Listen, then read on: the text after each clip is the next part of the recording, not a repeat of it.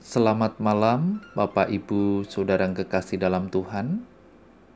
Mari, Bapak, Ibu, kita berdoa. Bapa di dalam sorga, kami bersyukur malam hari ini kami akan belajar firman-Mu. Kami memohon hikmat bijaksana dari Tuhan, pengertian dari Tuhan. Di dalam nama Tuhan Yesus kami berdoa. Amin. Bapak, Ibu, saudara kekasih dalam Tuhan, pekerjaan guru merupakan pekerjaan yang luhur dan sangat mulia, baik ditinjau dari sudut masyarakat dan negara maupun ditinjau dari sudut keagamaan. Guru sebagai pendidik ialah seorang yang berjasa besar terhadap masyarakat dan negara. Tema malam hari ini menjadi guru. Yakobus 3 ayat 1 Saudara-saudaraku, janganlah banyak orang di antara kamu mau menjadi guru. Sebab kita tahu bahwa sebagai guru kita akan dihakimi menurut ukuran yang lebih berat. Bapak, ibu, saudara kekasih, arti guru secara harfiahnya berat adalah seorang pengajar suatu ilmu.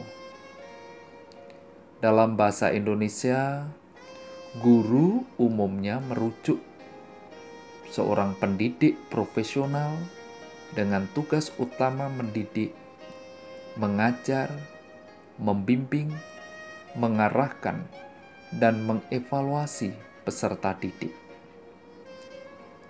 Dalam Perjanjian Baru, orang yang mengajar tentang hal-hal tentang Allah dan tugas manusia. Orang yang cocok untuk mengajar atau berpikir demikian, para guru agama Yahudi dari mereka yang dengan kekuatan besar mereka sebagai guru menarik banyak orang. Di sekitar mereka ditokohkan seperti Yohanes Pembaptis. Yesus sebagai guru menunjukkan seorang pribadi sebagai jalan keselamatan. Dalam pasal ini, Rasul Yakobus mengecam keinginan yang berlebihan dan lidah yang sombong dan semena-mena. Hal ini, Bapak Ibu, saudara kekasih, dilatar belakangi orang yang mengaku beriman tetapi tidak ada perbuatan. Bagaimana sikap orang Kristen menunjukkan kewajiban dan keuntungan dari mengekang lidah, karena kekuatan lidah untuk merusak.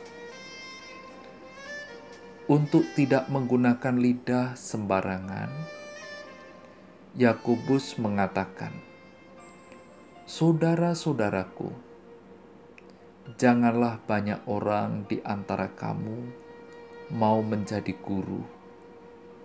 Perkataan ini tidak melarang saudara dan saya untuk melakukan apa yang saudara dan saya bisa untuk membimbing, mengajar orang lain dalam kewajiban sebagai seorang guru. Tetapi saudara dan saya tidak boleh bicara dan bertindak seperti orang yang senantiasa berkuasa, saudara dan saya tidak boleh mengatur-atur seseorang terhadap yang lain, sehingga menjadikan perasaan diri sendiri sebagai patokan, sebagai orang yang unggul untuk menguji semua orang lain. Karena menjadi guru tidak sebatas berbicara, tetapi harus menjadi contoh menjadi teladan. Kristus adalah guru bagi para murid, bukan mengatur atau sok berkuasa, tetapi menjadi teladan. Bagaimana dengan kehidupan saudara dan saya saat ini? Mungkin Bapak Ibu berprofesi sebagai guru, sebagai pengajar. Sudahkah saudara dan saya menjadi teladan di tengah-tengah para peserta didik? Mari Bapak Ibu kita berdoa. Bapa di dalam surga,